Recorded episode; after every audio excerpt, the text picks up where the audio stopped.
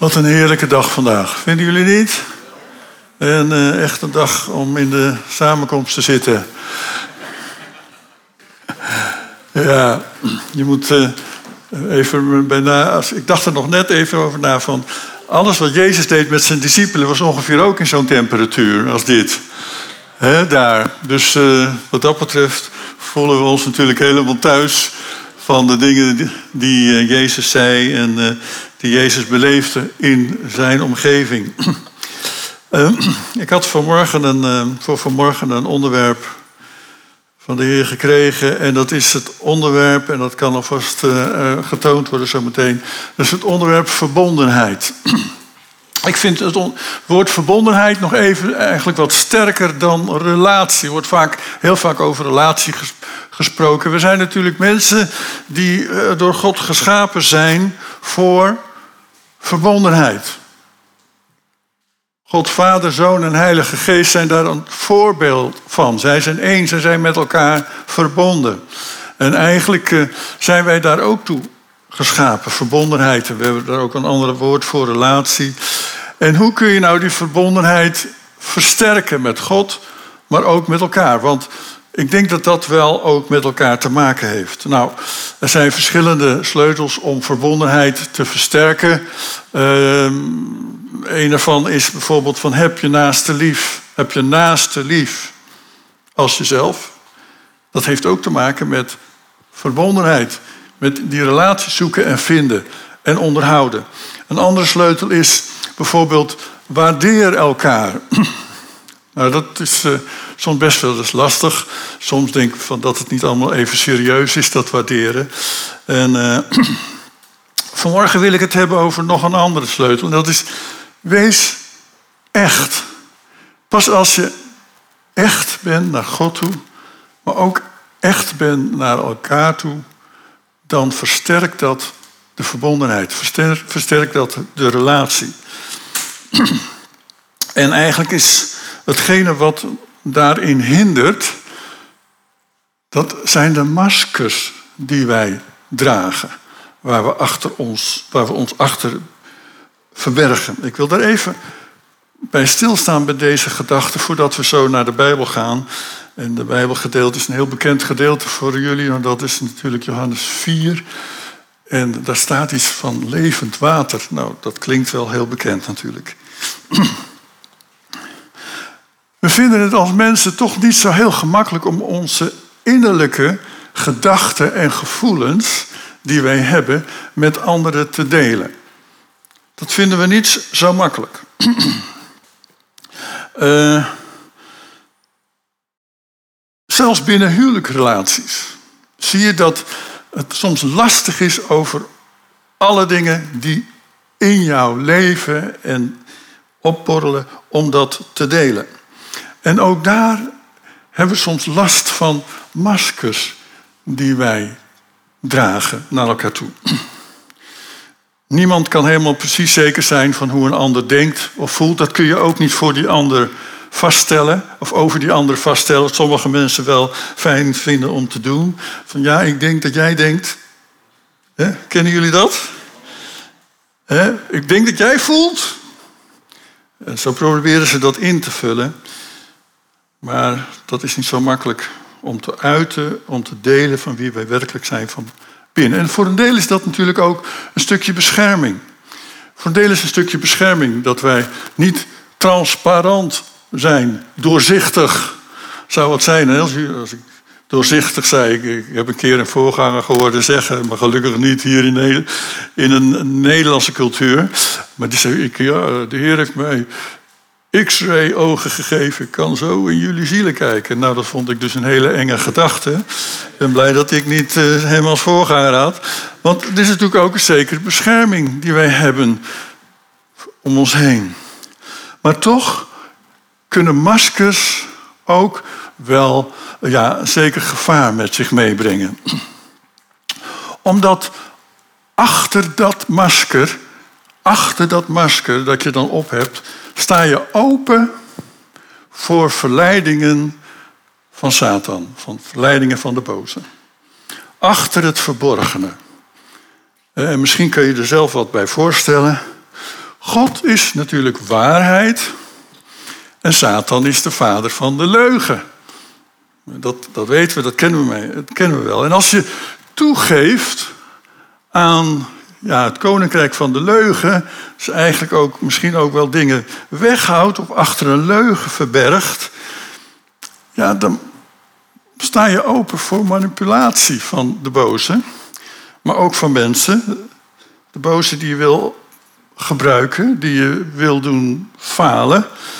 Ehm, we zien ook dat, voor degenen die dat woord een beetje kennen, dus anders, ik ga er verder niet op in, maar er ook een verkeerde afhankelijkheid kan ontstaan. Door, door, door die maskers en door die leugen, en dat noemen ze ook wel codependency. Um, maar het probleem gaat eigenlijk nog veel dieper. Je ziet dat sommige mensen voortdurend in verkeerde relaties worden uh, getrokken. Dat begint vaak al op school. Omgang met de verkeerde, mag ik even zo zeggen, voorzichtig, met, met, met de verkeerde vrienden. En, en die je niet helpen, maar die eigenlijk, uh, ja, je eigenlijk de verkeerde kant op trekken. Het heeft te maken met die maskers die wij dan op hebben.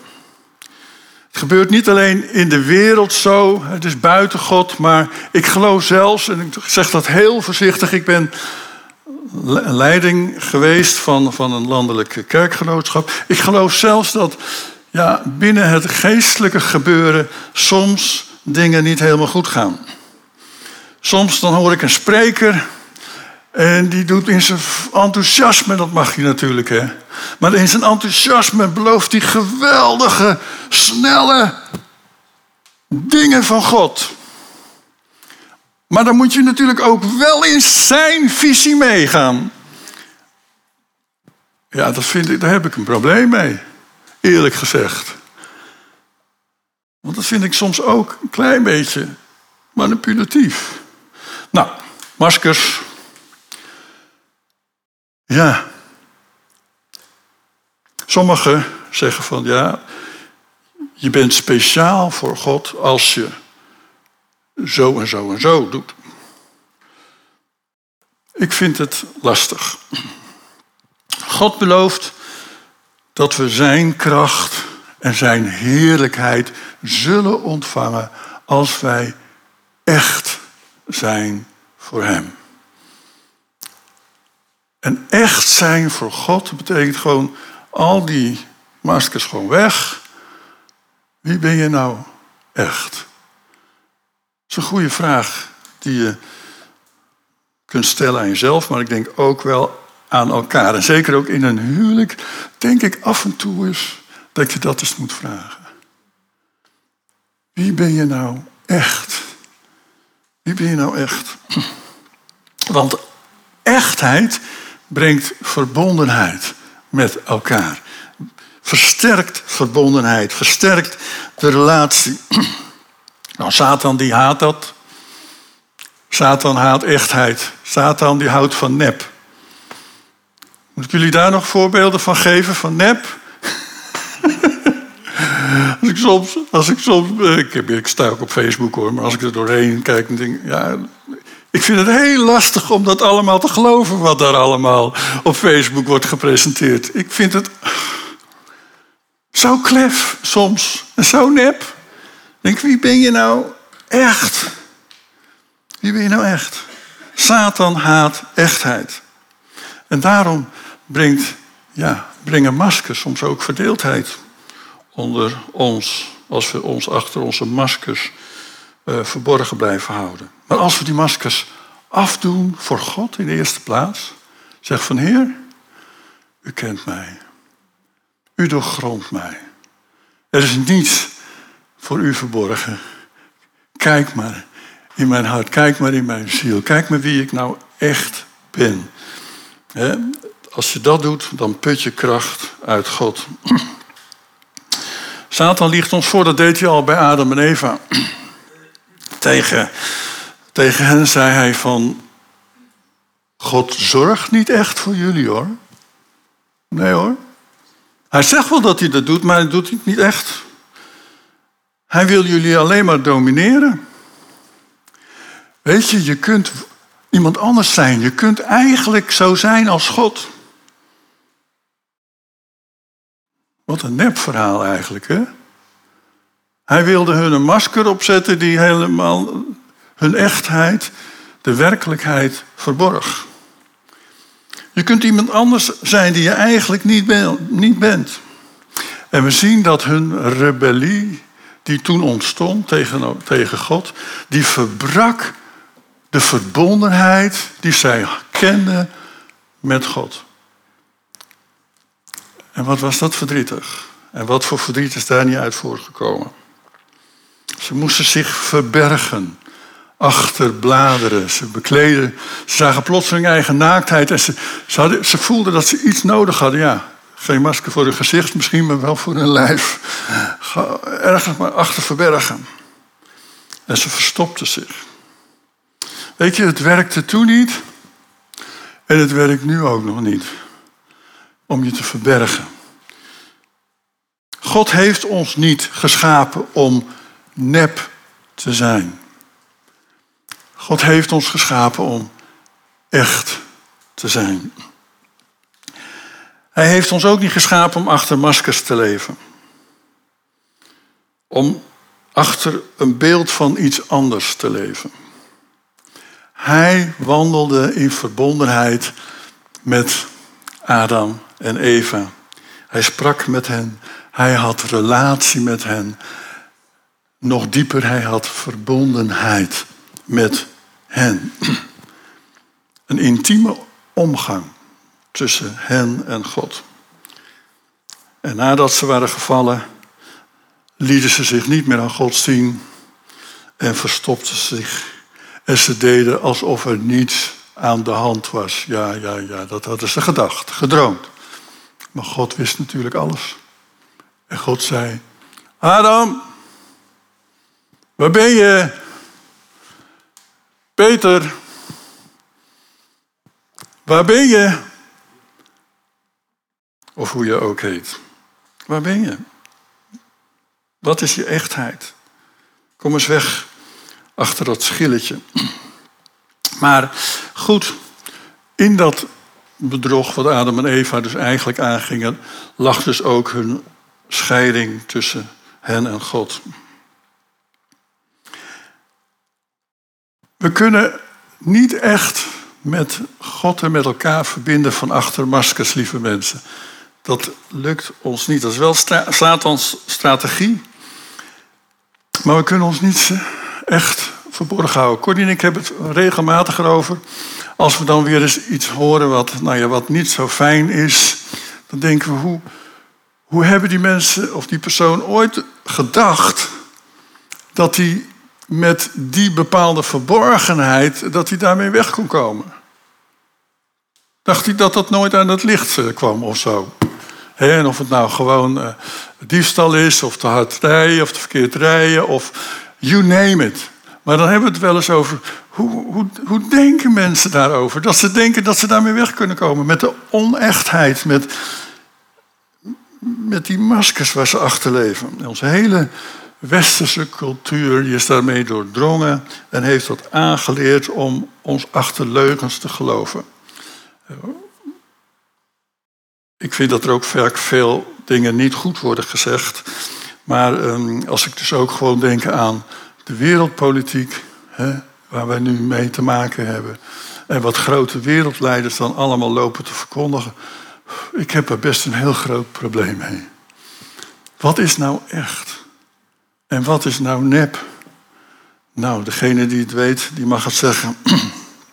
Maar weet je wat het gevolg is van maskers? Degene die achter een masker leeft, die wordt heel erg eenzaam. Want je sluit je af, eigenlijk, van verbondenheid met andere mensen. De prijs van maskers is eenzaamheid. Maskers bouwen muren tussen mensen. Brengen scheiding, scheiding zoals ook Adam en Eva die hebben ervaren. En als je je niet echt zelf, echt, echt kunt openen naar God toe, daarom is het ook zo goed dat we elke keer weer hier komen met elkaar. Sommige mensen denken wel eens, ja, maar het woord van God, ja, dat ken ik nou zo langzamerhand wel, toch? En die preken, nou ja, als we beginnen, dan weet ik eigenlijk al waar het naartoe gaat. Toch, toch of niet? Ja, vanmorgen nog niet, maar goed. maar goed, en, maar daar, elke keer hebben we het weer nodig dat we op die uitnodiging van God ingaan om die, om die maskers af te zetten in ons leven. En eigenlijk echt te worden naar Hem. Kijk, we zijn gered door het bloed van het lam. Amen. Maar die verbondenheid kunnen we versterken met God, maar ook met elkaar als we vanuit echtheid leven. Je wordt eenzaam. Je kunt getrouwd, getrouwd zijn, maar toch eenzaam zijn. Zeg ik iets nieuws? Nee? Je kunt een kamer, in een kamer vol met mensen zitten, en dat hebben we natuurlijk allemaal meegemaakt, of in een, in een samenkomst als deze, en toch eenzaam zijn in je hart. Je kunt heel populair zijn, misschien wel op internet, heel veel volgers hebben, en toch eenzaam zijn. Je kunt rijk zijn, alles kunnen kopen in deze wereld, en toch eenzaam zijn. Je kunt denken dat je geweldig bent, dat je een ster bent. En vaak, heel vaak zijn die mensen diep eenzaam. Verschrikkelijk eigenlijk, hè? En eenzaamheid betekent niet dat je alleen bent, maar eenzaamheid betekent in die zin dat je voor jezelf een gevangenisje hebt gebouwd, waar je niet uit kan komen. Een muur waar niemand doorheen kan kijken, waar niemand ziet wie je nou echt bent. Zo maken we makkelijk onze muur om ons heen, zodat niemand eigenlijk kan weten en kan zien wie ik nou echt ben.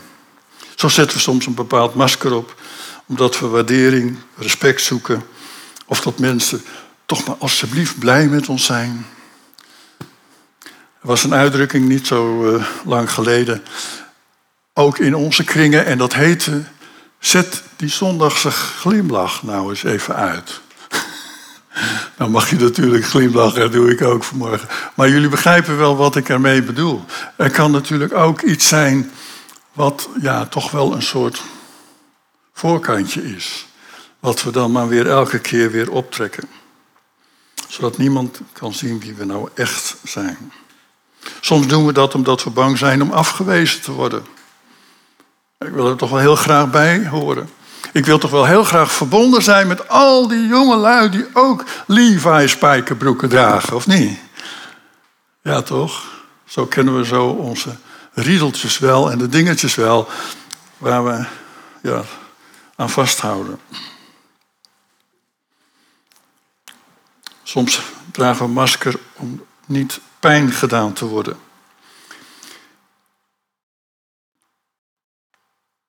Ik heb een goed nieuws vanmorgen. Want hier blijft het natuurlijk niet bij. Als dat nou de preek was, dan was het wel heel, dan was het wel heel karig. Maar ik heb goed nieuws. Jezus heeft een beter leven voor ons dan een leven met maskers. Amen. Jezus heeft een beter leven voor jou, voor mij, dan een leven met maskers. Hij is gekomen om ons vrij te zetten van dat soort dingen. Om vrij te komen uit dat gevangenis wat we zelf hebben geschapen. Hij wil onze echte ik wil hij aanraken. Wauw. Is dat niet geweldig? Die, dat diepste, die echte ik wie ik ben, wil Jezus aanraken. Wil hij vernieuwen. Wauw. Elke keer maar weer. En een van die meest aangrijpende ontmoetingen die Jezus had met iemand vinden wij terug in Johannes 4. En we kennen dat gedeelte. En dat gaat over de Samaritaanse vrouw. Dat gedeelte waar eh, hij zegt, uh, ik geef je levend water. De naam van deze kerk. Hij leerde die Samaritaanse vrouw om echt te zijn was best wel lastig hoor. Dat ging niet zomaar zonder slag op dood. Haar relaties, haar verbondenheid in het leven was één grote puinhoop. Was één grote chaos.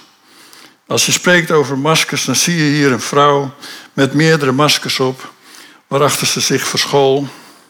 Ze leefde in een kleine stad. Ze was gescheiden. Ze was achtergelaten door vijf mannen.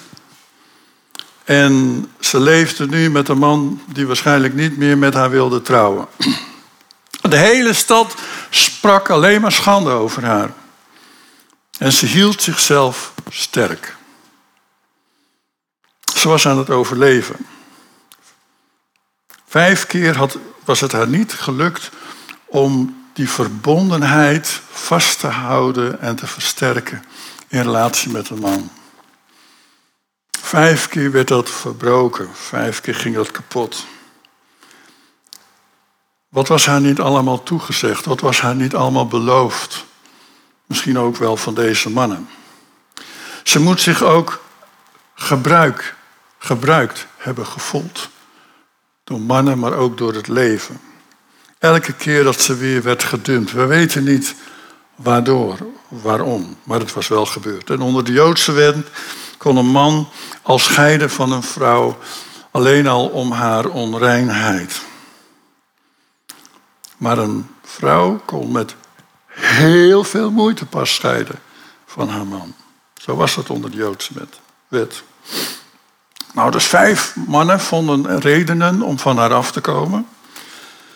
Vijf keer ging ze een huwelijk in, in de hoop om daar liefde te ontvangen, blijdschap, geluk.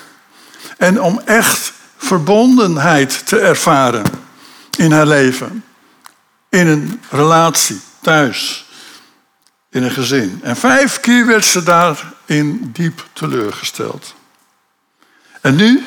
Ja, nu leefde ze in overspel.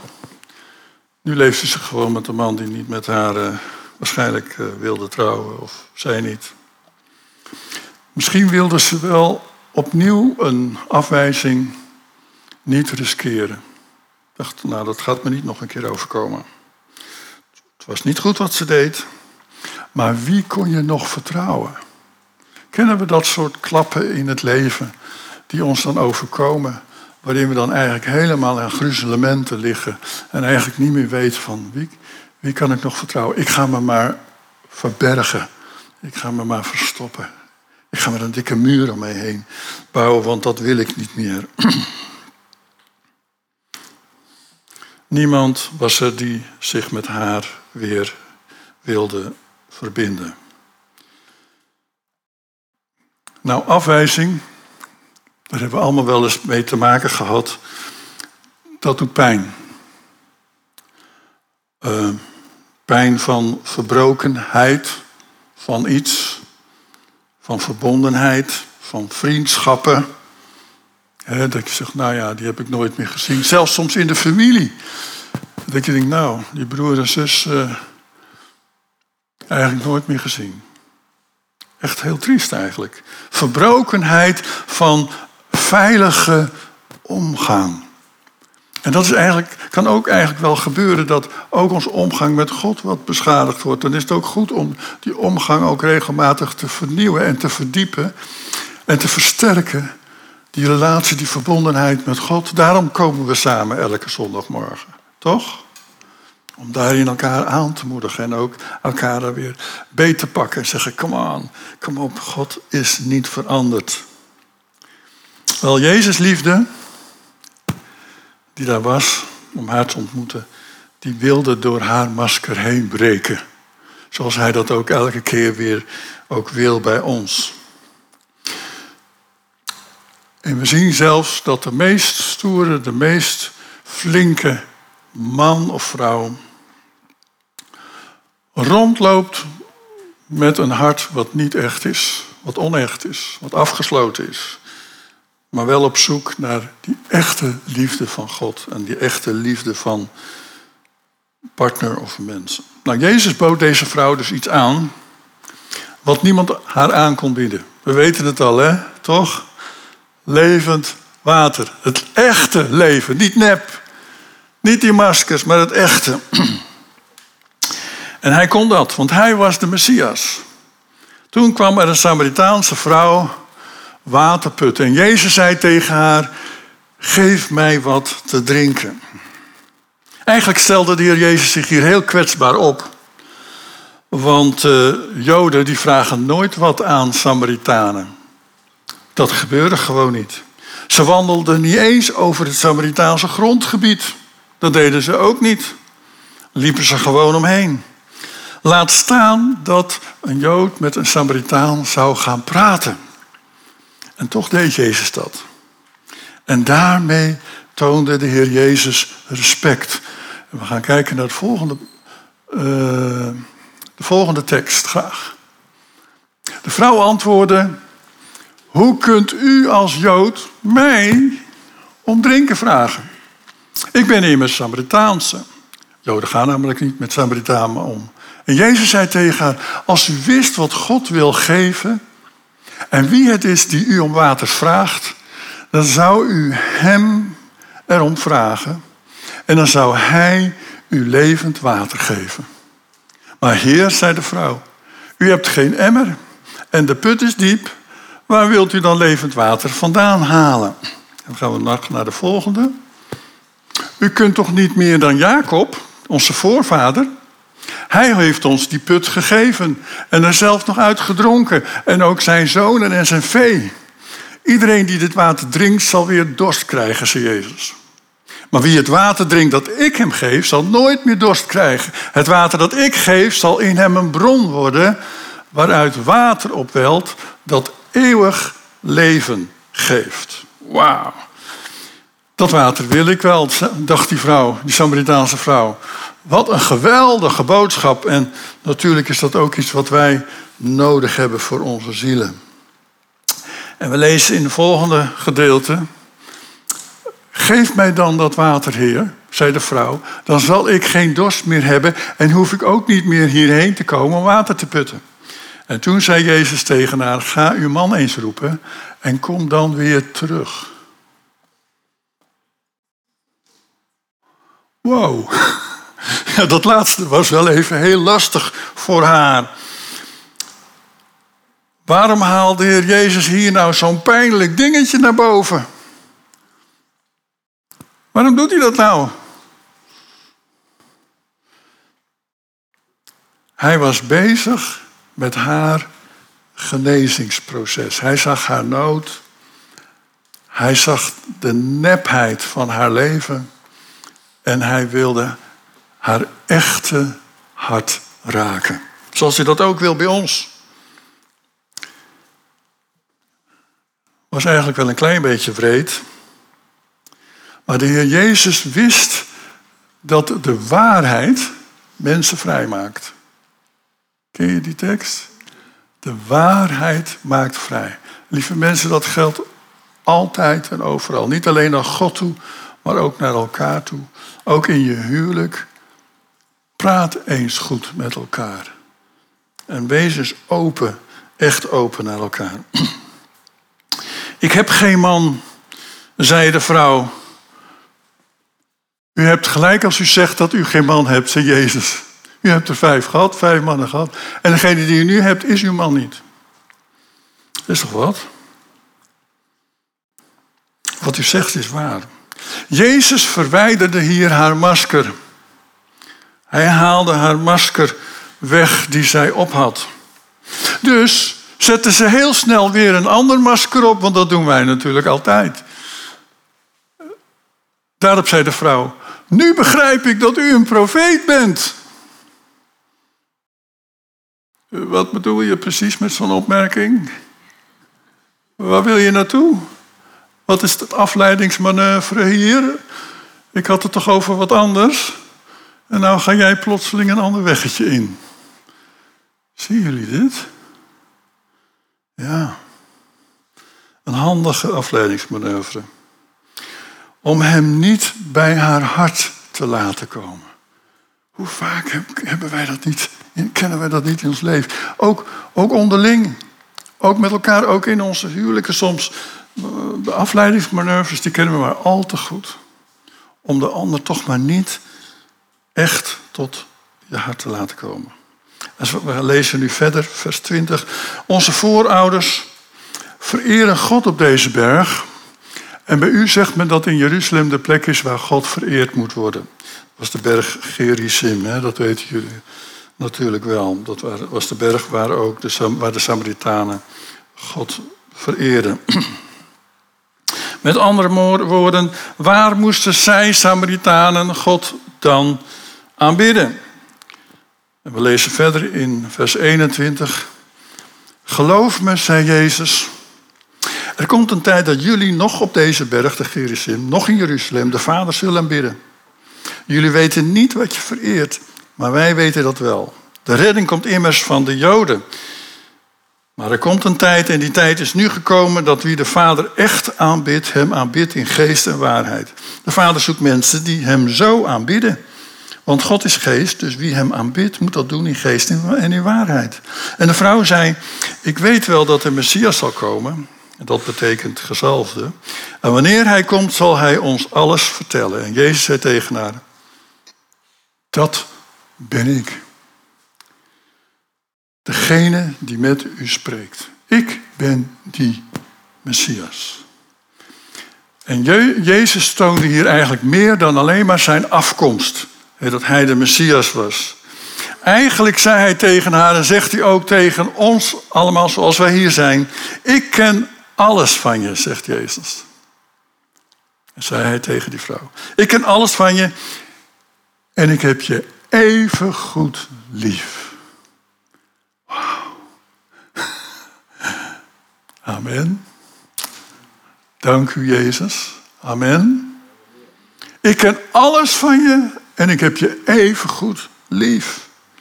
Als je echt durft te zijn, lieve mensen, leg dan je masker af. Naar God, maar ook naar elkaar. Ook in je relaties, in de verbondenheid. En verdiep, versterk je verbondenheid met elkaar. Door echt te zijn. Dat is iets waar ons hart naar uitschreeuwt. Volgende tekst, volgende gedeelte, vers 29.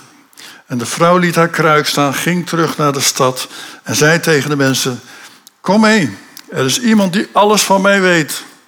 Zou dat niet de Messias zijn? Lieve mensen, wij mogen echt zijn voor God. Echt. Dat is wel wat anders dan hè, de verbondenheid die we nu hebben digitaal.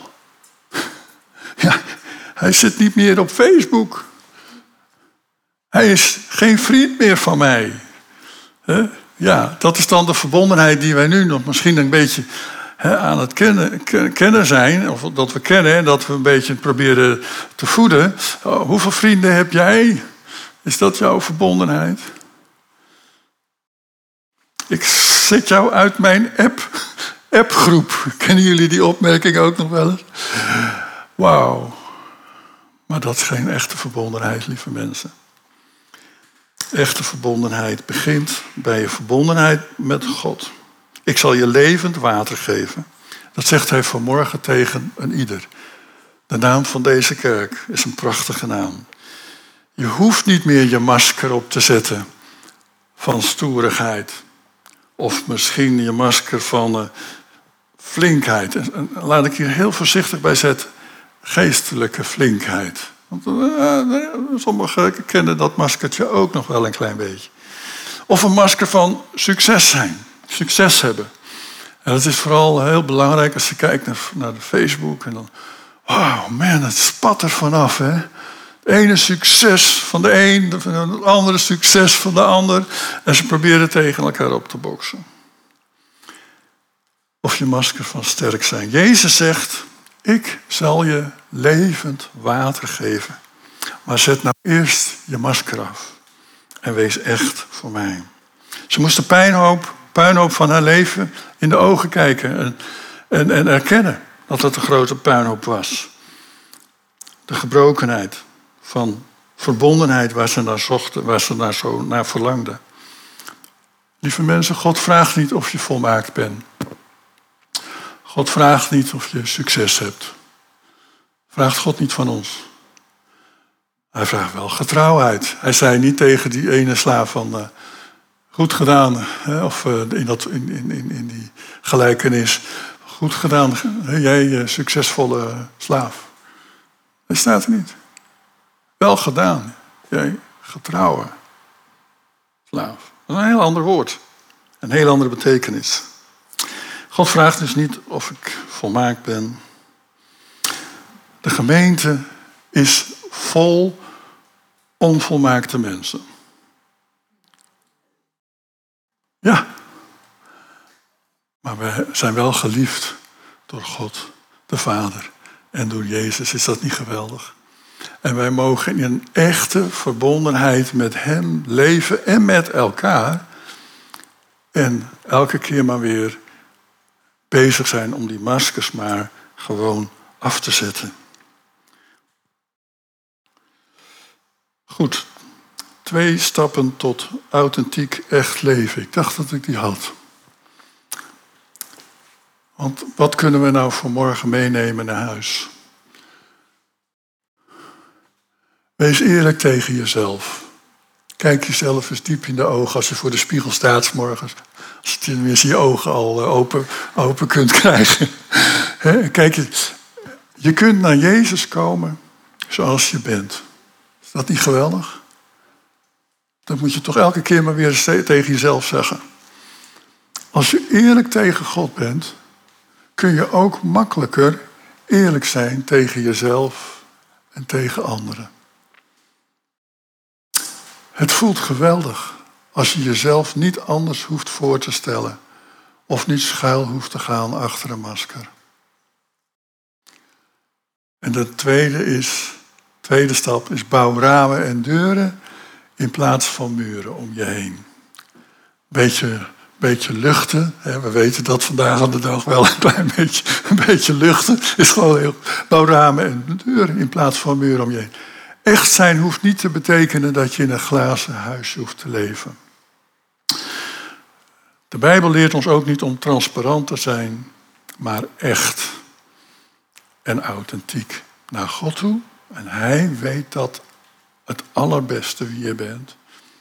Maar ook naar elkaar toe. Ook thuis, ook in je huwelijk, ook met je kinderen. Ik weet het goed dat ik had een keer een, een tijdje een, een, toch wel een beetje probleem, of tenminste oneenigheid met een van mijn kinderen. En nou ja, dat duurde maar, maar voort en dat, dat vind je maar heel lastig, zeker als vader. Dat ik van, oh. En toen uh, veel voor gebeden.